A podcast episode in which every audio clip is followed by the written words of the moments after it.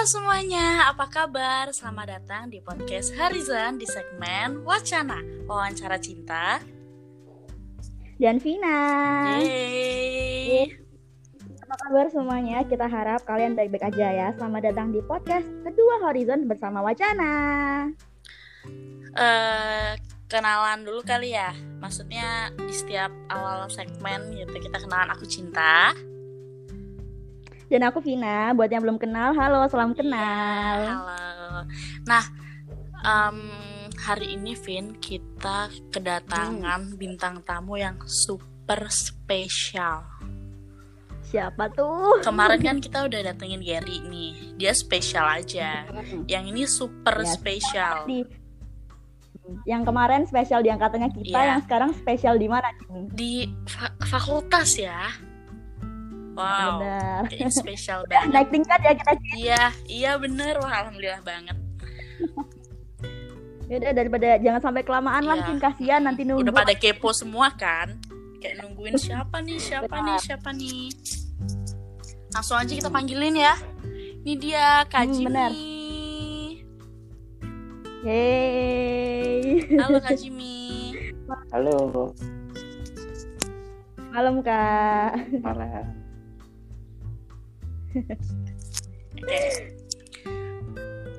Langsung masuk ke pertanyaannya atau mau basa-basi dulu Kak? Mau sapa teman-teman Horizon mungkin? Ya, mungkin aku kenalan dulu kali ya sama teman Horizon. Biar Boleh. nanti teman-teman Horizon biar nggak tanggung atau kan Jimmy ini siapa. Nanti Iya, sama-sama kenal. daripada tahu Katanya dulu. kan, tak kenal maka tak sayang. Benar. Bener. Eh, selamat malam teman-teman Horizon. Jadi kenalin, nama aku Saida Asmi Romansa. Kalian bisa panggil Asmi atau Jimmy. Sebenarnya nama asli Asmi, cuma di fakultas aku lebih akrab dipanggil Jimmy.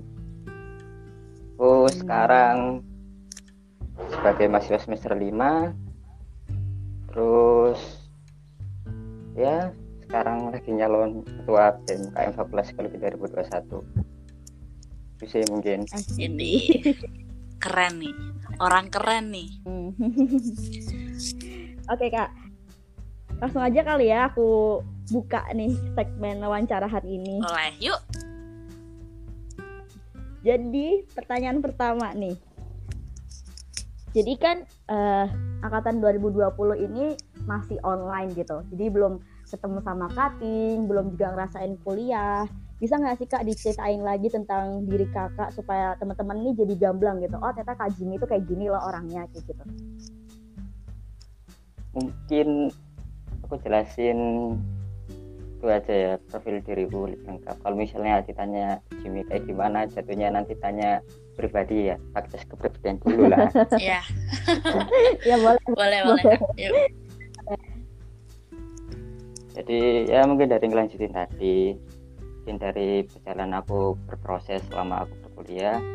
Jadi dulu pada waktu aku maba aku mulai prosesku sebagai ketua kamar SKI Fakultas Psikologi. Ya, terus kemudian aku lanjutkan prosesku di MKM Fakultas Psikologi tepatnya selaku anggota Departemen HRD kemudian aku juga lanjut lagi berproses di SKI sebagai wakil mas'ul atau wakil ketua. Terus kemudian aku juga lanjut proses lagi tepatnya di UNER selaku Menteri Keilmuan. Terus mungkin untuk kepanitiaan sebenarnya sih dalam organisasi pun itu ada agenda-agenda kan. Nah, tentunya agenda agenda tersebut membutuhkan panitia. Tapi mungkin yang dikenal teman-teman yaitu sebuah kepanitiaan yang terlepas dari organisasi. Walaupun sebenarnya yang namanya OC sama SC dalam sebuah acara lah itu tetap dibawahi oleh suatu organisasi jadi untuk proses awal yaitu tadi aku sebagai ketua Muktamar SKI ya pada waktu memaba terus aku juga buat berproses di bagian admin dalam acara psikologi film festival. Terus kalau sekarang itu sih di bagian fundraising Psychofest jadi panjang ya prosesnya Kak Jimmy untuk sampai ke tahap ini tuh nggak ya. gampang. Mm-mm, nggak secepat yang kalian pikir ah mau jadi ketua bem gitu boleh bercita-cita tapi prosesnya juga harus dijalani ya kak Iya, ya benar. ya Lanjut untuk pertanyaan yang kedua.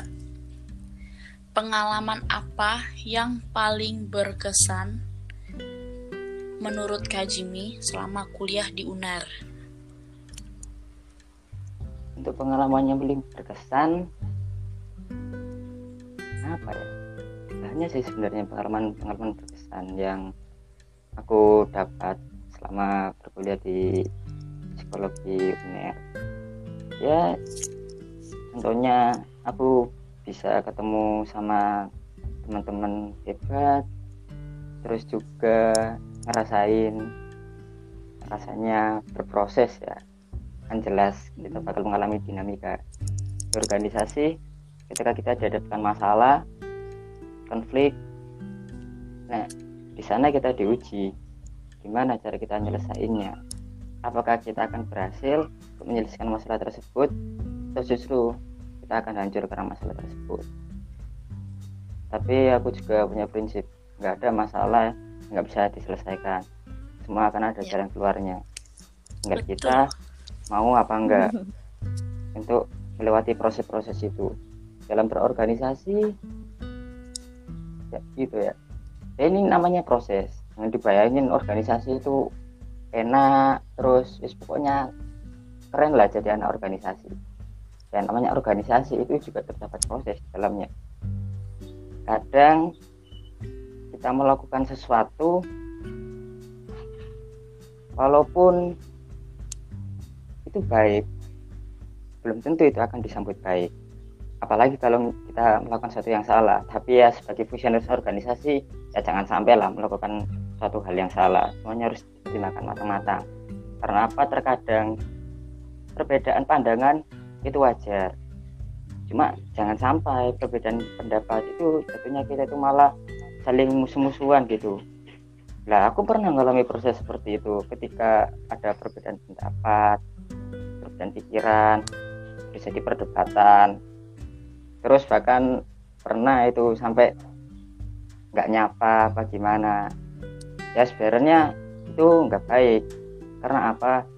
Ya namanya perbedaan pendapat itu wajar. Cuma itu ya bagian dari proses kita gitu loh. Gimana cara kita menyikapi perbedaan pendapat? Gimana cara kita mengambil keputusan? Bagaimana cara kita berkomunikasi tetapi ya alhamdulillah. Lama-lama kita bisa sama-sama saling mengerti dan untuk masalah-masalah seperti itu kan itu kan sebenarnya masalah emosional sih. Ya, tapi tetap kita sebagai fungsioner organisasi harus fokus pada tujuan dan kita harus bersama-sama dalam bergerak untuk mencapai itu semua. Karena kalau misalkan kita tidak bisa menghargai namanya perbedaan pendapat tidak bisa menerima yang namanya masukan saran ya kita bukan hanya tidak profesional selaku fungsionaris organisasi tapi kita juga tidak profesional sebagai manusia. Karena itu apa ya emang dinamika kehidupan. Kadang ya kita bisa aja beda pandangan sama orang lain. Kita juga kadang mengalami hal yang menyakitkan kadang kita juga mengalami hal yang tidak sesuai dengan keinginan kita. Nah, tapi justru dari rasa sakit rasa sakit itu maka kita akan bertambah kuat kita akan belajar. Karena kalau misalnya di psikologi sebenarnya stimulus itu netral. Tapi persepsi orang itu bisa beda-beda. Contoh Oh, kamu iya, ketika benar, ngelihat benar. orang jatuhin gelas Hmm. itu kan sebenarnya stimulus netral. Tapi ya orang bisa persepsi beda-beda. Ada yang mungkin wah orang itu mungkin nggak sengaja. Ada orang yang mungkin wah mungkin orang itu ceroboh pegang gelas saja sampai jatuh. Ya itu kan hasilin spekulasi macam-macam gitu. Tapi ya itu apa ya namanya persepsi itu ya bergantung pada individu masing-masing gitu jadi daripada kita fokus pada hal yang tidak bisa kita kontrol kita fokus saja tentang hal yang bisa kontrol. Contoh perasaan kita tentang menyikapi sesuatu itu kan dalam kendali kita. Sedangkan persepsi orang lain itu di luar kendali kita. Jadi tetap fokus pada apa yang kita bisa kendalikan. Seperti itu. Keren banget. Kata-katanya Iya. Kak Jimmy itu gampang dimengerti tapi masuk iya ya. bener wow. Nih Kak Jimmy kan dari tadi udah ngomongin soal organisasi ya Kak ya. Terus kayak Kak Jimmy tuh udah banyak banget ikut organisasi-organisasi. Nah menurutnya Kak Jimmy nih gimana sih caranya supaya teman-teman yang ngerasa bahwa aku tuh bukan anak organisasi jadi tertarik ikut organisasi? Hmm, mungkin tak kasih gambaran sederhana. Boleh. Boleh. Dulu mungkin ketika kita awal dari kuliah namanya apa ya mungkin pandangannya kita pengen Mhm. kuliah IPK bagus terus kerja bayarannya gede Yes, mungkin kontraknya seperti itu. Tapi ya aku nggak bisa generalisasi. Hmm. semuanya bakal kayak gitu bisa aja beda-beda.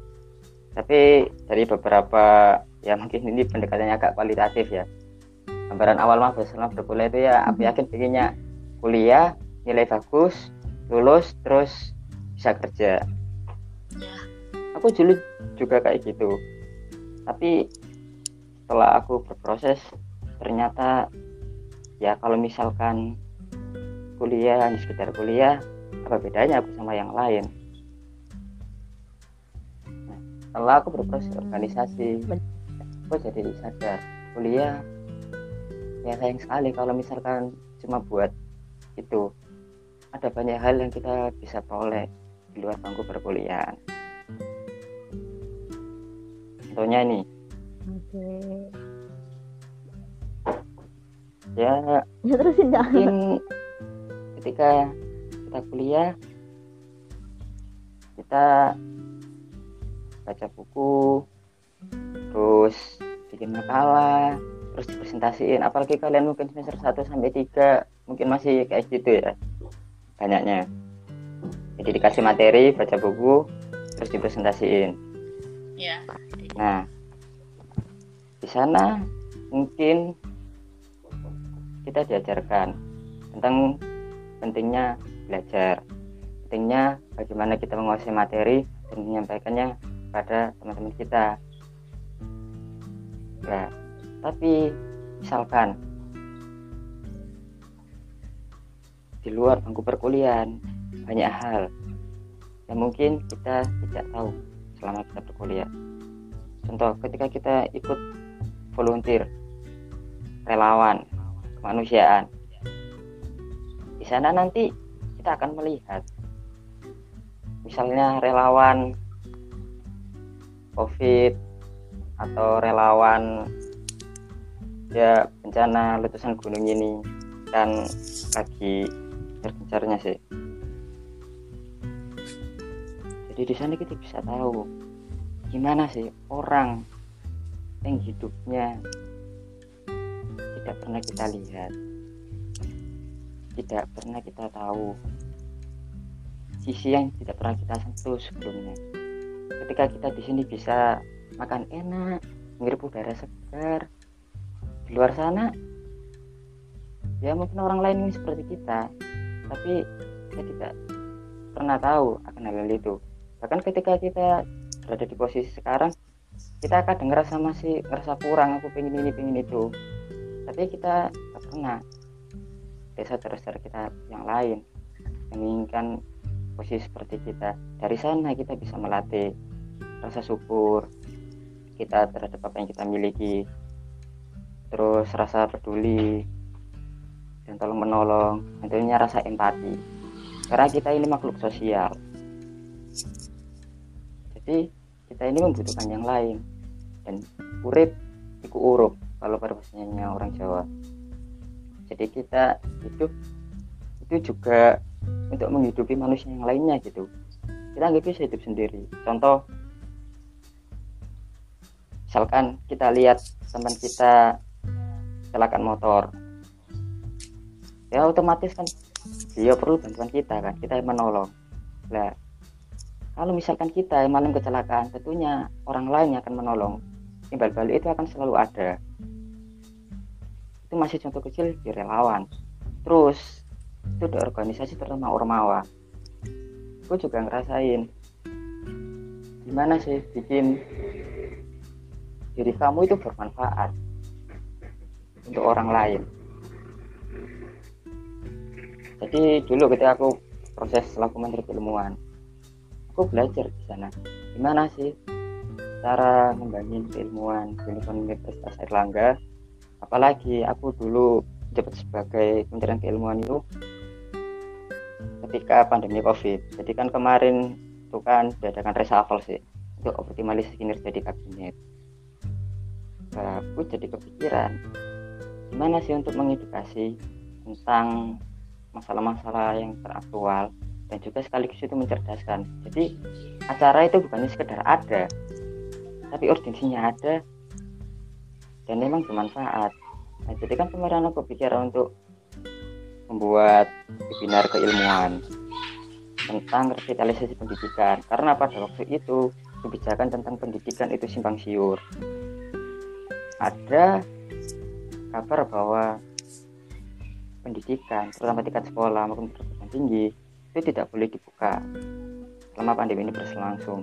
Tapi di sisi lain sudah ada beberapa percobaan pembukaan sekolah di beberapa wilayah. Ya tentunya hal itu kan membingungkan sih di masyarakat. Dan itu memicu polemik. Jadi akhirnya kita datangkan beberapa narasumber yang sekiranya itu relevan dengan apa yang kita angkat. Di situ dari Dr. Doni selaku Ketua Satgas COVID-19 Jatim, terus dihadiri juga oleh Bu Santi dengan FKM dan juga Pak Romli selaku Sekdes Jatim. Di sana kita terungkap kenapa sih pendidikan terutama sektor-sektor pendidikan seperti sekolah perguruan nggak bisa dibuka karena apa dan juga kebijakan pemerintah yang diambil. Dan juga sebenarnya rencana ke depan ini seperti apa? Di situ dipercontoh semuanya. Intinya satu ketika kalian kuliah sayang kalau kalian sekitar kuliah. Ikutlah kegiatan-kegiatan positif yang sekiranya itu bisa mengembangkan diri kalian kalau misalkan kalian pikir psikologi itu bukan hanya di UNER. Lantas apa yang membedakan kita dengan lulusan lain? Nah mari kembangkan diri kalian. Baik itu di lingkungan kampus maupun di luar kampus. Karena bisa aja itu yang menjadi nilai jual kalian.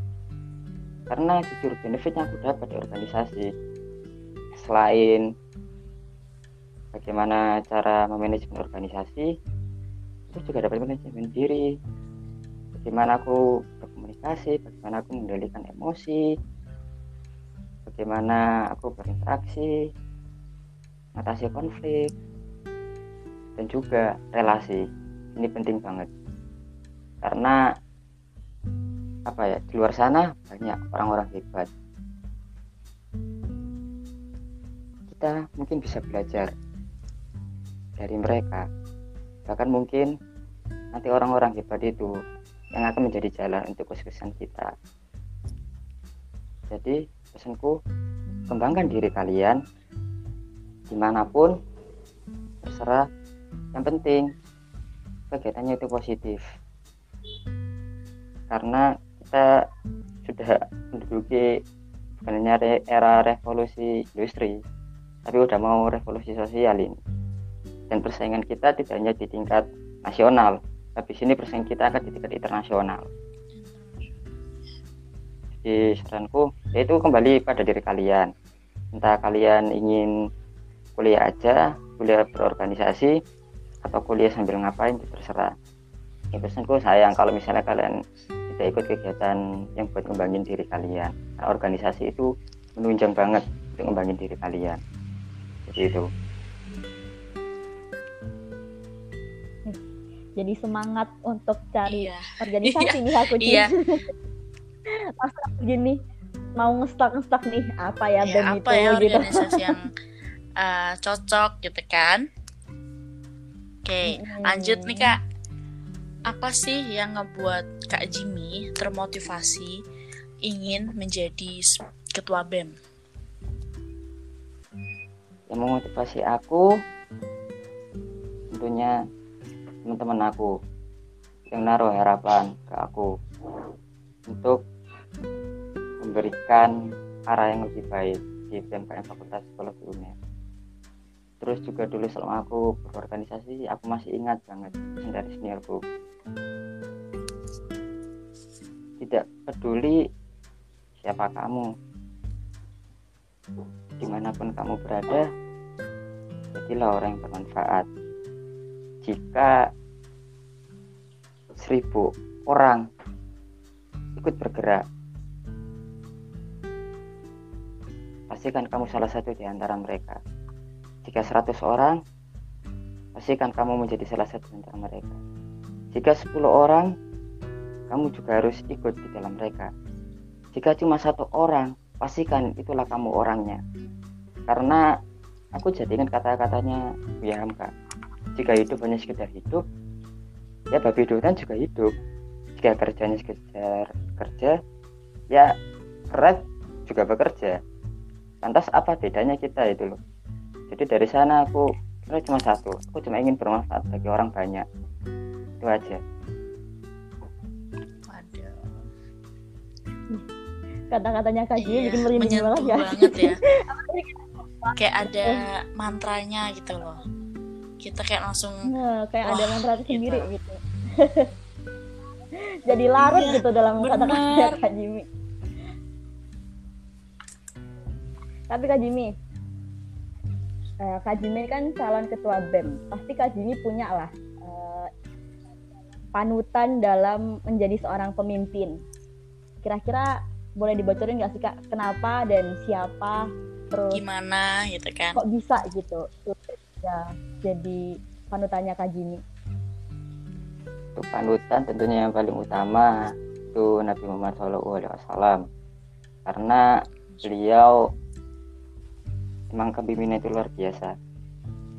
Dia juga yang benar-benar mengamalkan sifat-sifat seorang pemimpin itu sidik, amanah, tablik, dan fatona. Tapi di lain itu aku juga berterima kasih kepada ketua BEM UNER periode kemarin Mas Agung. Beliau yang banyak membimbing aku. Beliau yang banyak menolongku. Beliau yang mengkader aku sehingga aku bisa menjadi seperti sekarang. Jadi tentunya mungkin dari diri kita selama kita berproses kita mungkin akan bertemu dengan orang-orang hebat. Orang-orang hebat itu yang akan membantu kita berkembang. Bisa saja orang-orang hebat itu yang akan menjadi jalan kita untuk menuju kesuksesan. Prosesku masih panjang. Bukan hanya di perkuliahan ini. Tapi selagi aku berkuliah aku akan melanjutkan prosesku. Dan aku juga ingin itu bermanfaat di fakultasku.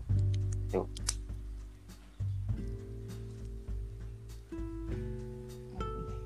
keren ya ternyata. Speechless Jawabannya- aku.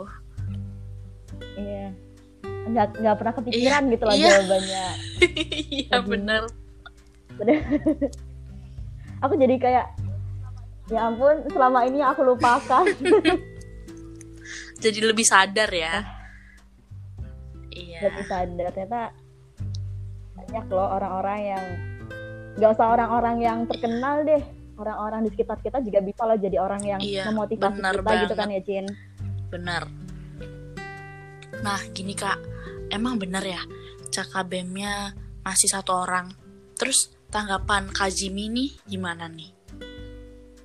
Ya kalau tanggapanku sih ya mungkin aku juga nggak tahu ya kenapa cuma satu orang.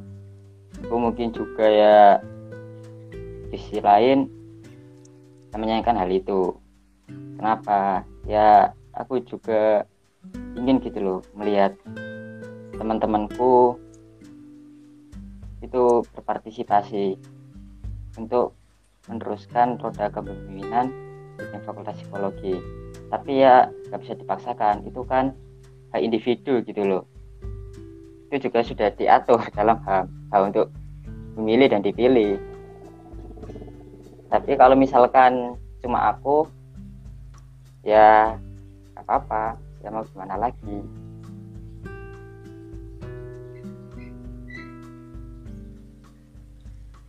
Keren banget ya Kak Jimmy ini. Dia Iya. bertahan loh meskipun benar-benar kayak yang tadi Kak Jimmy udah bilang kan kalau itu satu orang pasti Iya, kan itu wow, benar. bener nih Kak menerapkan Mm-mm. banget ya Jin. Benar-benar satu orang itu Kak Iya benar banget. Bertahan tanpa pesaing. Nah. Jadi bener-bener yang Hmm, benar. kokoh banget gitu iya sama benar. pendirian ya Jin nah persiapannya Kak Jimmy untuk eh, mencalonkan diri sebagai ketua BEM itu apa aja sih Kak? apa lu putus-putus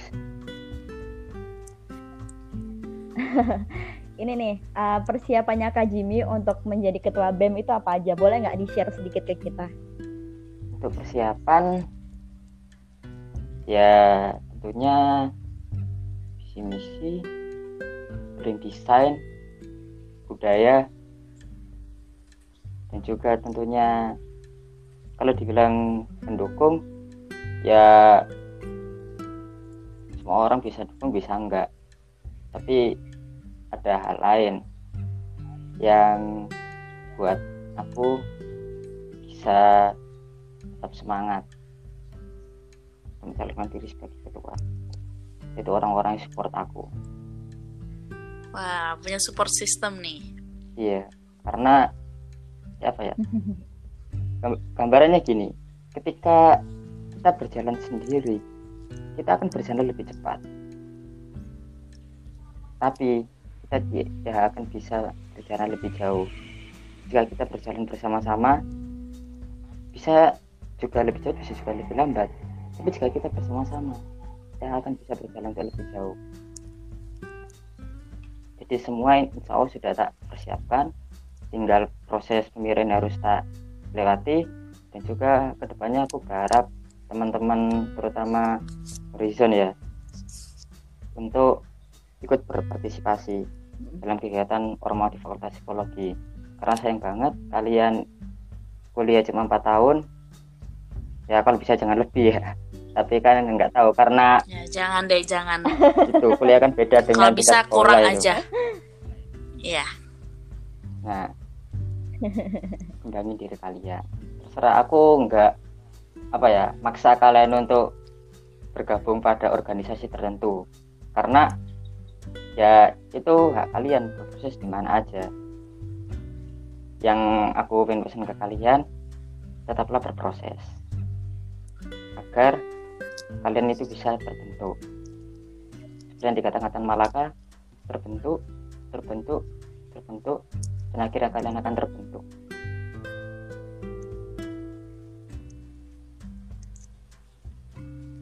bener banget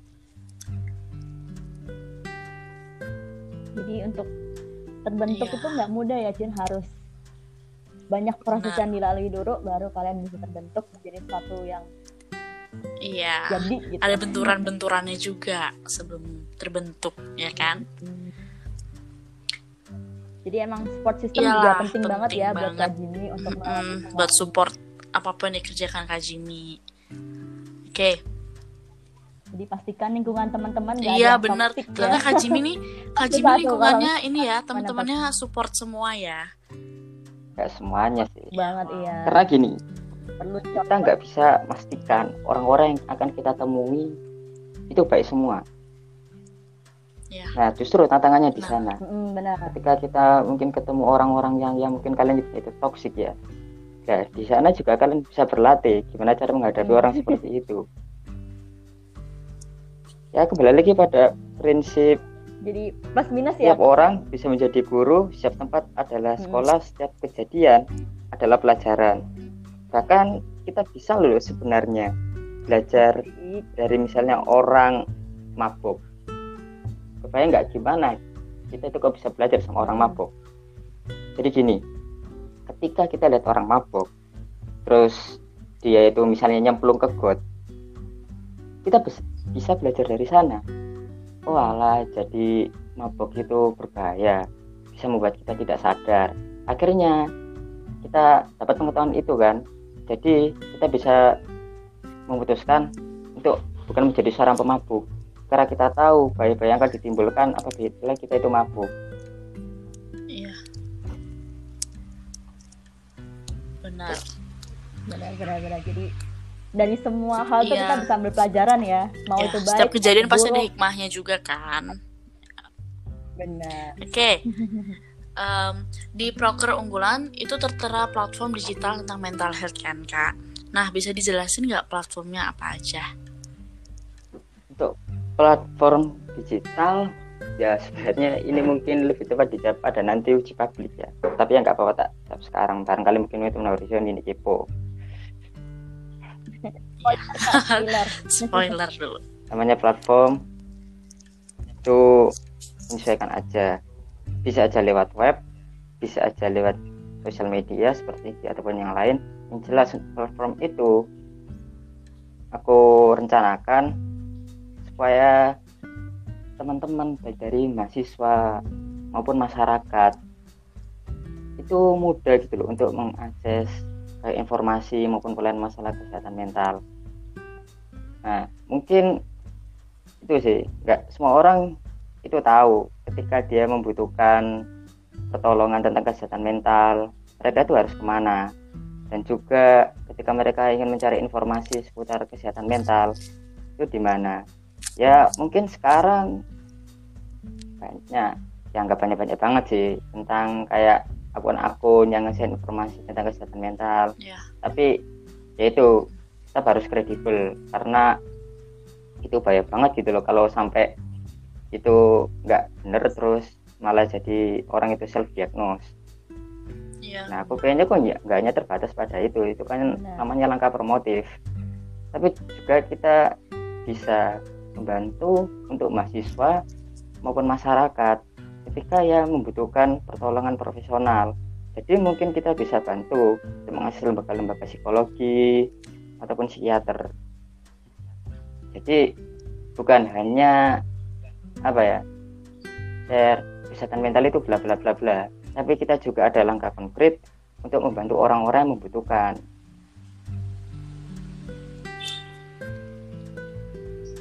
namun juga kan itu sih sekarang kan Benar. siapa sih yang nggak pegang HP apalagi yang nggak pakai internet ya walaupun nggak semua orang tapi kan ya Iya. bagian masyarakat kita kan udah rata-rata udah ya. nggak asing lah dengan hal itu jadi aku rasa Iya. itu sih. Platform digital itu perlu banget. Karena itu emang udah eranya ya. Era digitalisasi. Terus juga biar teman-teman itu mudah untuk mendapatkan akses-akses seperti itu.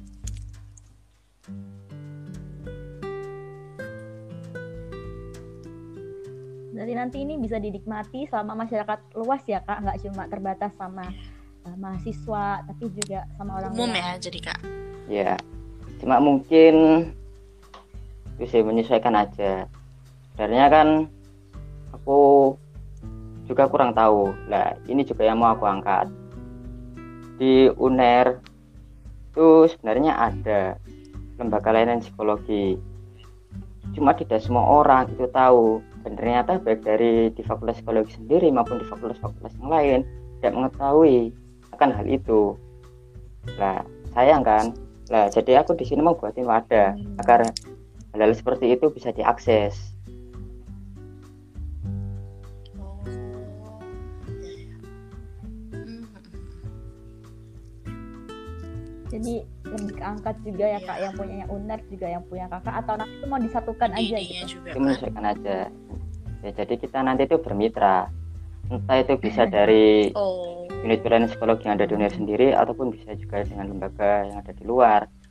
Jelaskan di luar intinya Oke. kita kan itu sih untuk membantu memudahkan akses. Jadi kalau misalkan di UNER sendiri nggak bisa karena apa atau apa ya kita cari lembaga lain. Ya jadi kita itu harus sefleksibel mungkin gitu loh. Karena kita ini melayani masyarakat jadi ya kita juga harus benar-benar cari cara agar masyarakat itu bisa terlayani dengan baik.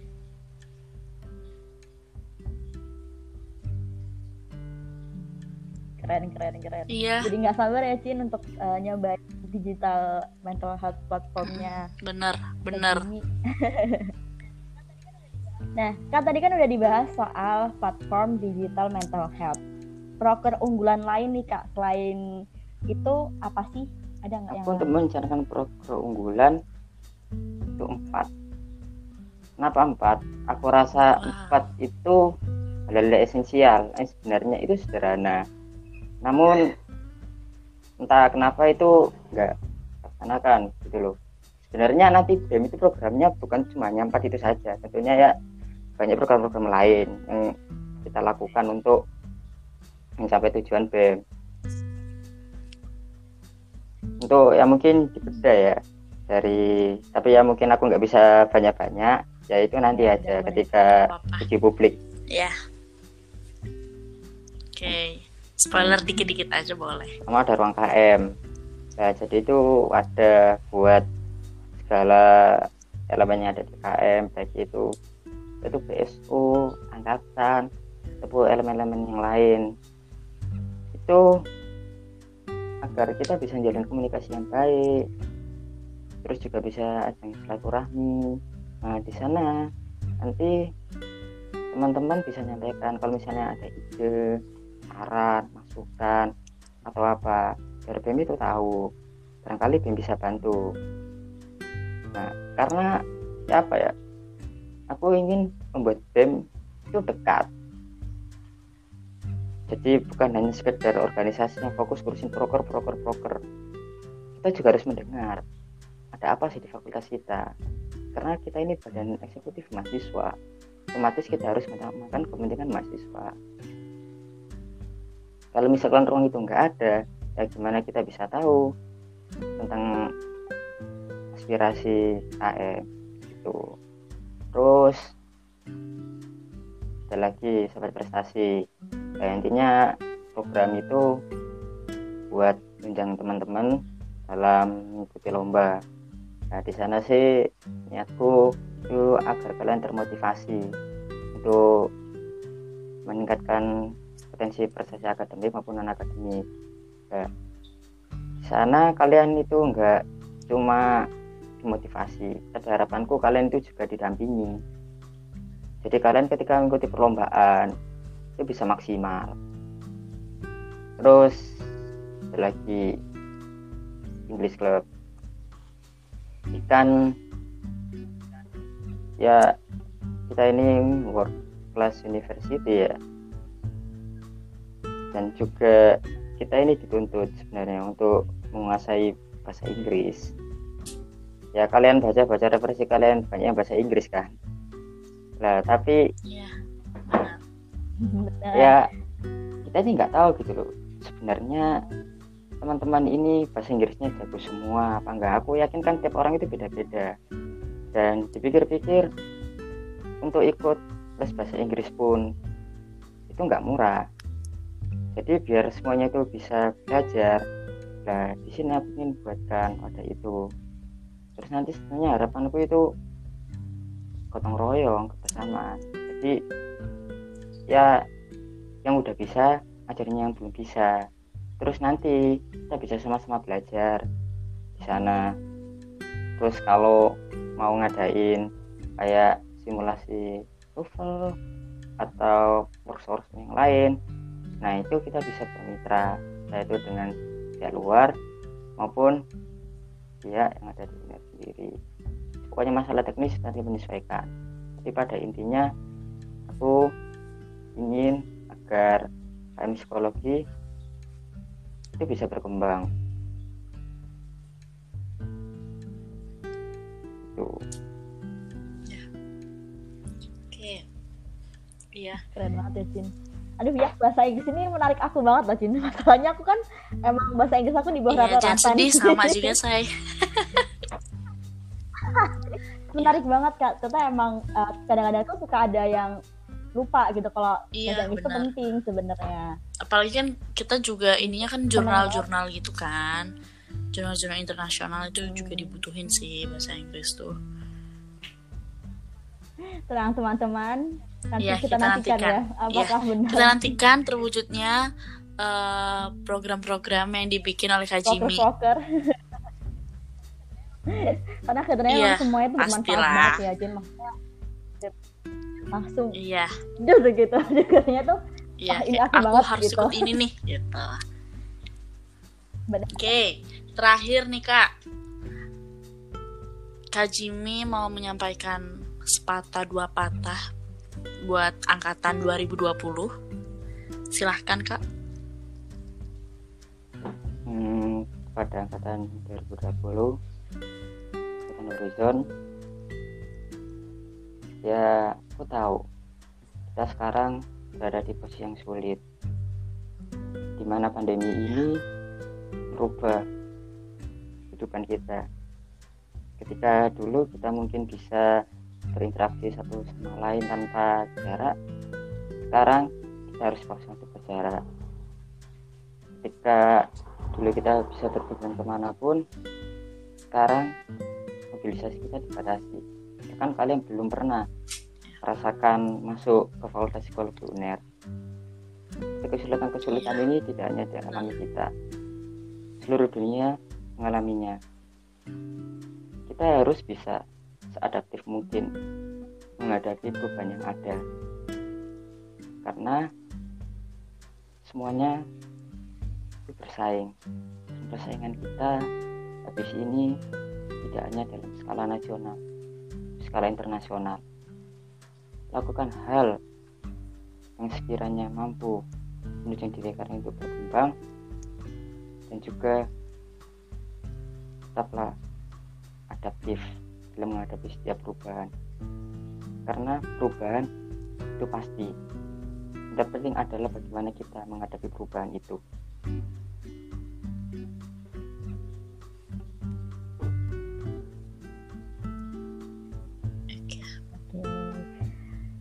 Ya, Cin, Iya. pertanyaannya udah habis. Berarti podcast ini Iya, akan ya, berakhir. sedih. Oh iya, sama terakhir ya aku berpesan pada teman-teman.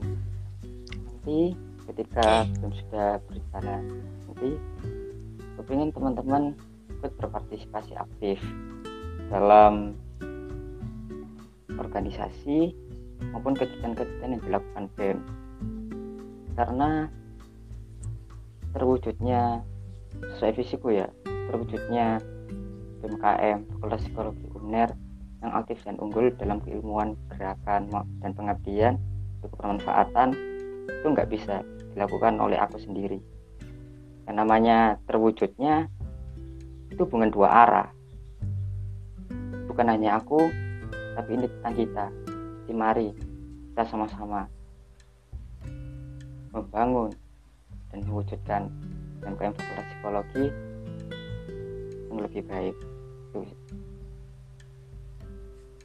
Nih, Duh, bener-bener ya bermanfaat banget tuh kan? nggak ada nggak Iya, nggak ada sampai titik di mana nggak ada manfaatnya kecuali Iya, kayak kita yang ngomel. Kayak semua yang diucapkan oleh Kak Jimmy itu bermanfaat. Iya, gitu bener banget. Jadi em, karena pertanyaannya juga udah selesai, aku mau ucapin terima kasih banyak buat Kak Jimmy karena udah mau jadi bintang tamu podcast kita hari ini. Semoga Kak Jimmy lancar-lancar terus sampai pemilihan, Hmm, sampai sampai ya sampai Mira ya. sampai sudah berjalan program-programnya. Pokoknya lancar-lancar terus deh. Amin.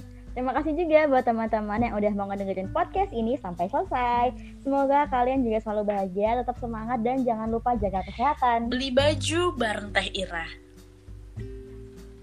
Cakep. Jangan lupa, yuk ikut Pemira. Aku Cinta, Aku pamit undur diri. Sampai ketemu di segmen wacana berikutnya. Dah. Dah.